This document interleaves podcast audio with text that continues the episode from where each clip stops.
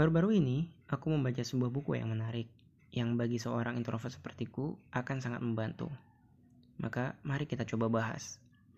Tahukah kamu, memiliki teman lebih sedikit seiring dengan bertambahnya usia, lebih berbahaya daripada menjadi gemuk atau merokok 15 batang sehari. Memiliki teman yang baik di tempat kerja bisa membuatmu tujuh kali lebih terlibat dan produktif. Tetapi, Terlepas dari hasil penelitian ilmiah terbaru tersebut, tentunya akan menyenangkan dikelilingi dengan kolega atau pelanggan yang sewaktu-waktu dapat kamu hubungi sebagai teman. Bukannya malah dikelilingi oleh orang yang kamu curigai, sering berbicara di belakangmu, atau bahkan mencoba mencari cara untuk mensabotase kesuksesanmu. Tentu akan lebih menyenangkan dikelilingi oleh teman-temanmu yang profesional yang bisa kamu andalkan. Bahkan ketika ternyata karirmu tidak sesuai dengan apa yang kamu rencanakan. Beruntungnya, saat ini kamu tidak usah terlalu khawatir. Untuk membangun pertemanan yang solid dan jaringan yang luas, ada sebuah buku yang menarik. Buku ini telah berusia kurang lebih 80 tahun yang berisi panduan untuk menciptakan pertemanan dan mempengaruhi orang lain. Buku tersebut berjudul How to Win Friends and Influence People, karya Dale Carnegie. Prinsip-prinsip dalam buku ini dapat ditemukan aplikasinya bahkan saat buku ini pertama kali diterbitkan pada tahun 1936. Ada hal yang harus kamu yakini di awal, bahwa buku ini masih sangat akan relevan untukmu, bahkan untuk anak cucumu kelak. Ada banyak bagian yang menarik dalam buku How to Win Friends and Influence People. Tapi ada dua hal utama yang ingin aku jelaskan kepadamu. Maka izinkan aku membantu kepadamu untuk memahami hal tersebut dengan pengantar beberapa cerita. Pada tahun 1800-an, ada seorang imigran Belanda yang miskin bernama Edward Buck. Buck tidak punya pengalaman sekolah lebih dari enam tahun sepanjang hidupnya. Sampai pada akhirnya ia membuat dirinya menjadi salah seorang editor majalah yang paling sukses sepanjang masa. Tapi bagaimana ia dapat melakukannya? Hmm, pada usia 13 tahun, dia menyimpan uangnya untuk digunakan membeli sebuah buku ensiklopedia berisi biografi tokoh-tokoh Amerika. Dan kemudian dia melakukan sesuatu yang mungkin tidak akan pernah terbesit di dalam benak kebanyakan orang. Dia membaca setiap kisah kehidupan dari orang-orang terkenal dan kemudian menuliskannya surat kepada mereka dan meminta mereka untuk menjelaskan lebih tentang kisah kehidupannya. Dia menulis untuk Jenderal Grant dan memintanya untuk menceritakan tentang pertempuran tertentu dan menggambarkannya peta serta dia juga meminta Jenderal Grant untuk mengundangnya, seorang bocah yang baru berusia 14 tahun, untuk makan bersama. Dengan cepat, bocah tadi berhubungan dengan banyak orang. Dengan orang-orang yang paling terkenal di seantero Amerika. Tokoh-tokoh terkenal seperti Ralph Waldo Emerson, Miss Abraham Lincoln, dan Jefferson Davis pun tak luput dari aksinya. Masing-masing orang terkenal yang ia temui memperkenalkannya dengan orang-orang berpengaruh dan terkenal lainnya. Dan secara cepat, dia memiliki semua akses yang ia butuhkan untuk menjalankan perusahaan majalah yang sangat sukses. Dia membangun ketertarikan satu sama lain dan memenangkan menjadi persahabatan dengan beberapa orang terpenting se-Amerika. Maka, sederhananya, Kebiasaan fundamental pertama untuk memenangkan lebih banyak teman dan mempengaruhi orang lain adalah dengan menjadi seseorang yang memiliki ketertarikan yang tulus terhadap orang lain. Sang penulis, Dale Carnegie, menyatakan, kamu dapat membuat lebih banyak teman dalam dua bulan dengan menjadi seseorang yang tertarik terhadap orang lain daripada apa yang kamu lakukan selama dua tahun dengan membuat orang lain tertarik pada dirimu.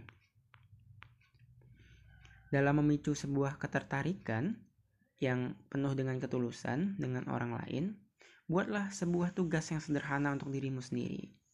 Untuk mencari tahu bagaimana seseorang itu menghabiskan waktunya dan kemudian juga mencari tahu subjek apa yang paling menarik bagi mereka. Dan jadikanlah subjek ketertarikan mereka menjadi ketertarikanmu dalam sementara waktu. Gunakanlah hal tersebut untuk memahami alasan di balik betapa besarnya kesukaan mereka. Katakanlah seseorang yang mengoleksi perangko. Perangko mungkin menjadi sesuatu yang uh, kurang menarik bagimu. Tapi kamu bisa menjadi lebih tertarik setelah kamu mulai melakukan sedikit riset dan menemukan sebuah fakta yang unik juga bahwa ternyata perangko termahal di dunia mampu berharga sebesar 9,5 juta dolar Amerika. Sebuah angka fantastis untuk seukuran perangko. Dan misalnya, aku bertemu dengan seseorang yang mengoleksi perangko, dengan informasi tadi, mungkin aku akan langsung bersemangat untuk menanyainya. Kira-kira perangko apa yang paling populer selama Perang Dunia Kedua? Jadi, cara lain untuk menunjukkan ketertarikanmu dengan orang lain juga bisa dilakukan dengan cara meminta nasihat dari mereka. Kembali ke masalah perangko tadi misalnya. Maka aku akan menanyakan, jika aku akan memulai mengoleksi perangko, dari manakah aku dapat membeli perangko kuno tersebut? Jika kamu memberikan sebuah peluang untuk mereka membagikan ketertarikannya dan menunjukkan keahliannya, mereka akan merasa sangat senang dengan kehadiranmu. Menjadi benar-benar tertarik dengan yang lain dapat juga mempengaruhi orang lain untuk bertindak sesuai keinginanmu.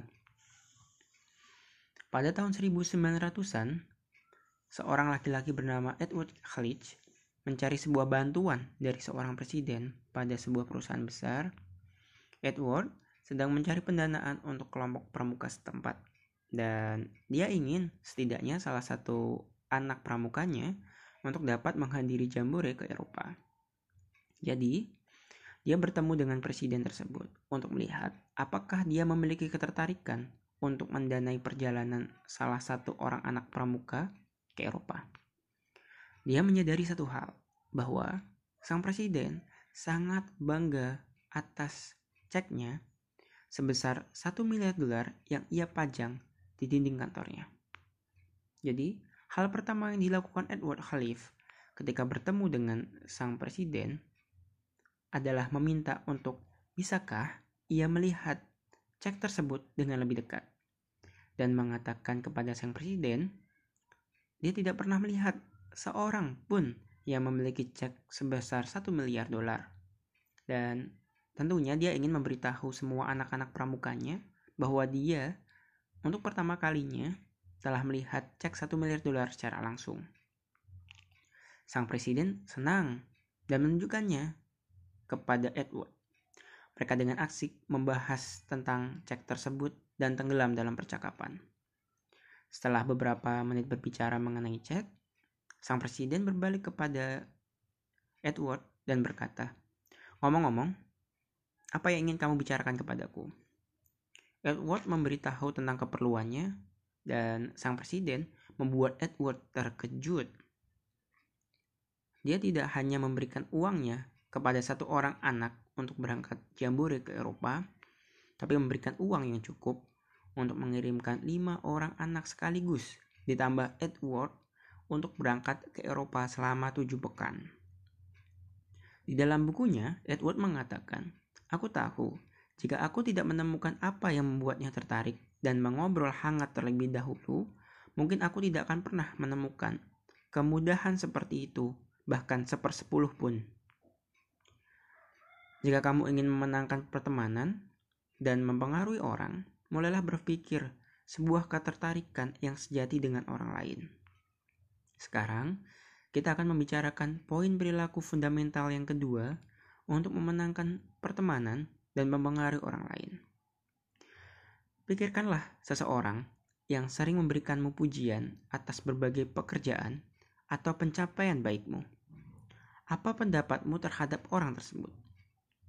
Setelah kamu menerima pujian, pikirkanlah seorang guru atau bos yang secara rutin memuji pekerjaanmu. Dan bandingkanlah dengan guru atau bos lainnya yang tidak memberikan pujian yang sama kepadamu. Bagaimana kesanmu terhadap mereka? Ketika kamu merenungkan pertanyaan ini, izinkanlah aku untuk membagikan sedikit kisah pribadiku. Beberapa tahun yang lalu, ketika masih menjadi mahasiswa, aku ditunjuk untuk menjadi ketua pelaksana sebuah acara, forum pertemuan tingkat nasional. Aku mengkoordinir sebuah tim kepanitiaan yang cukup kecil dengan persiapan yang tidak begitu banyak. Tekanan yang besar sudah aku terima sejak awal. Dalam persiapan pelaksanaan hingga hari H pelaksanaan, banyak sekali kesalahan-kesalahan kecil yang muncul dan terus menumpuk. Hingga puncaknya, saat sesi seminar dan deklarasi nasional, salah seorang panitiaku melakukan sebuah kesalahan. Ia melupakan beberapa setup peralatan yang harusnya sudah didata. Seketika, aku pun mendapatkan semprotan di depan umum. Hal itu berlanjut saat sesi evaluasi di tengah agenda, yang mana keseluruhan agenda dilaksanakan dalam waktu tiga hari dua malam. Dalam rapat evaluasi ini, semua kesalahan ditumpah ruahkan dan aku dituntut untuk memastikan kembali apa pun itu sebanyak dua kali. Aku pun dengan pucat pasai mengiyakan dan menyatakan kesalahanku dan di saat yang sama aku berusaha untuk berfokus pada agenda yang harus aku selesaikan berikutnya. Fokus pada solusi dan membangun kembali semangat anggota kepanitiaanku. Setelah rapat usai, beberapa senior mendekatiku dan menguatkanku. Mereka menyatakan kagum atas kemampuanku menghandle sebuah acara yang besar dengan persiapan yang minim. Mereka memuji mentalitasku dan membela kesalahanku, bahwa kesalahan-kesalahan yang ada bukanlah kesalahan yang murni berasal dari tim kepanitiaan, namun juga berasal dari komunikasi para pengurus yang kurang optimal, sehingga terjadi banyak sekali miskomunikasi. Seketika juga, hal tersebut membuatku lebih percaya diri. Dan entah kenapa membuatku jadi benar-benar lebih rileks. Aku masih sangat terkenang dan memikirkannya sampai saat ini. Aspek perilaku fundamental kedua untuk memenangkan pertemanan dan mempengaruhi orang lain adalah untuk sebisa mungkin dan sesering mungkin memberikan pujian. Sang penulis, Dale Carnage, mengatakan, Orang berpikir mereka telah melakukan sebuah kejahatan apabila mereka membiarkan keluarga atau karyawannya pergi enam hari tanpa makanan. Tetapi ia membiarkan mereka enam hari dalam enam minggu dan kadang-kadang 60 tahun tanpa memberikan mereka apresiasi yang tulus. Dan sesungguhnya mereka sangat membutuhkan apresiasi sebanyak seperti yang mereka butuhkan untuk makan. Kita semua lapar akan apresiasi. Itulah mengapa Charles Schwab yang agung berkata, "Jika aku menyukai apa pun, aku akan memberikan penghargaan yang sangat kuat dan akan aku penuhi dengan pujian." Maka, jadilah seperti Schwab. Seorang yang dengan berani dan entengnya langsung memberikan pujian secara langsung kepada orang lain atas usaha mereka. Maka ketika kamu mengetahui ada seorang pekerjamu atau rekanmu menaruh usaha yang lebih, hampirilah dan sampaikanlah pujian atas komitmennya untuk tim. Atau jika anakmu dan pasangan hidupmu membantumu membereskan perkara rumah, berikan mereka pujian atas usaha itu. Nah, kemudian jika kamu ingin membangun kebiasaan pujian dan apresiasimu kepada orang lain, buatlah paling tidak Eh, kebiasaan itu dengan mengalokasikan waktumu 2 menit dalam sehari untuk menuliskan pesan kepada teman atau pekerjaanmu untuk segala sesuatu yang telah mereka capai dalam suatu proyek ataupun kegiatan. Buatlah hal tersebut sepersonal mungkin. Jika kamu memilih melakukannya di media sosial, ya jangan kamu lakukan seperti orang yang memberikan komentar. Tuliskanlah pesan tersebut secara langsung yang berisi alasan mengapa kamu menyukai tindakan tersebut. Pujian juga merupakan alat yang hebat untuk memengaruhi orang bertindak seperti yang kamu inginkan. Dale Carnegie menceritakan kisah Pamela Dunham, seorang supervisor dari Connecticut yang memiliki tanggung jawab untuk mensupervisi uh, seorang pesuruh yang bisa dikatakan memiliki kinerja yang cukup cukup buruk. Di dalam buku, ia mengatakan, pekerja lain akan mengejeknya dan mengotori lorong kembali hanya untuk menunjukkan betapa buruknya hasil pekerjaan yang ia lakukan. Sehingga waktu produktif di toko menghilang begitu saja. Pam tentunya telah mencoba berbagai cara untuk memotivasi orang ini. Akhirnya, dia menyadari bahwa terkadang si pesuruh melakukan beberapa bagian pekerjaan yang sebenarnya bagus. Dia membuat dia membuat poin-poin pujian atas pekerjaannya itu dan menyampaikannya di depan banyak orang. Dalam waktu yang cepat, si pesuruh mampu menjalankan pekerjaannya dengan lebih efisien. Bahkan, sekarang ia mampu melakukan pekerjaan yang luar biasa dan pekerja lain pun memberikan apresiasi dan pengakuan. Lihatlah bahwa pengakuan yang jujur mampu menghasilkan peningkatan yang baik, di mana kritik dan ejekan gagal melakukannya. Jadi, jika kamu menginginkan memenangkan pertemanan dan memengaruhi orang lain, jadilah seorang yang memiliki ketertarikan tulus terhadap orang lain dan berikan mereka pujian sesering mungkin. Berikanlah kenyamanan bagi orang lain untuk membicarakan topik atau subjek yang sesuai dengan ketertarikan mereka. Kemudian puaskanlah keinginan mereka dengan memberikan pujian dan apresiasi. Sesegera mungkin, kamu pun akan menemukan bahwa dirimu sudah dikelilingi oleh banyak teman yang bahkan tidak akan ragu untuk membantumu meraih kesuksesan. Itu semua adalah inti pesan yang mampu aku rangkumkan dari buku How to Win Friends and Influence People oleh Daniel Carnegie. Cukup mengagumkan mengingat bahwa buku ini telah berusia lebih dari 80 tahun. Dan tentunya aku sangat merekomendasikan buku ini bagi siapa pun kamu yang ingin menata kembali caramu dalam bersosialisasi dan menjadi orang yang lebih baik lagi terhadap orang lain. Demikian eh, podcast kita kali ini dan sampai jumpa kembali di podcast Daily Book selanjutnya.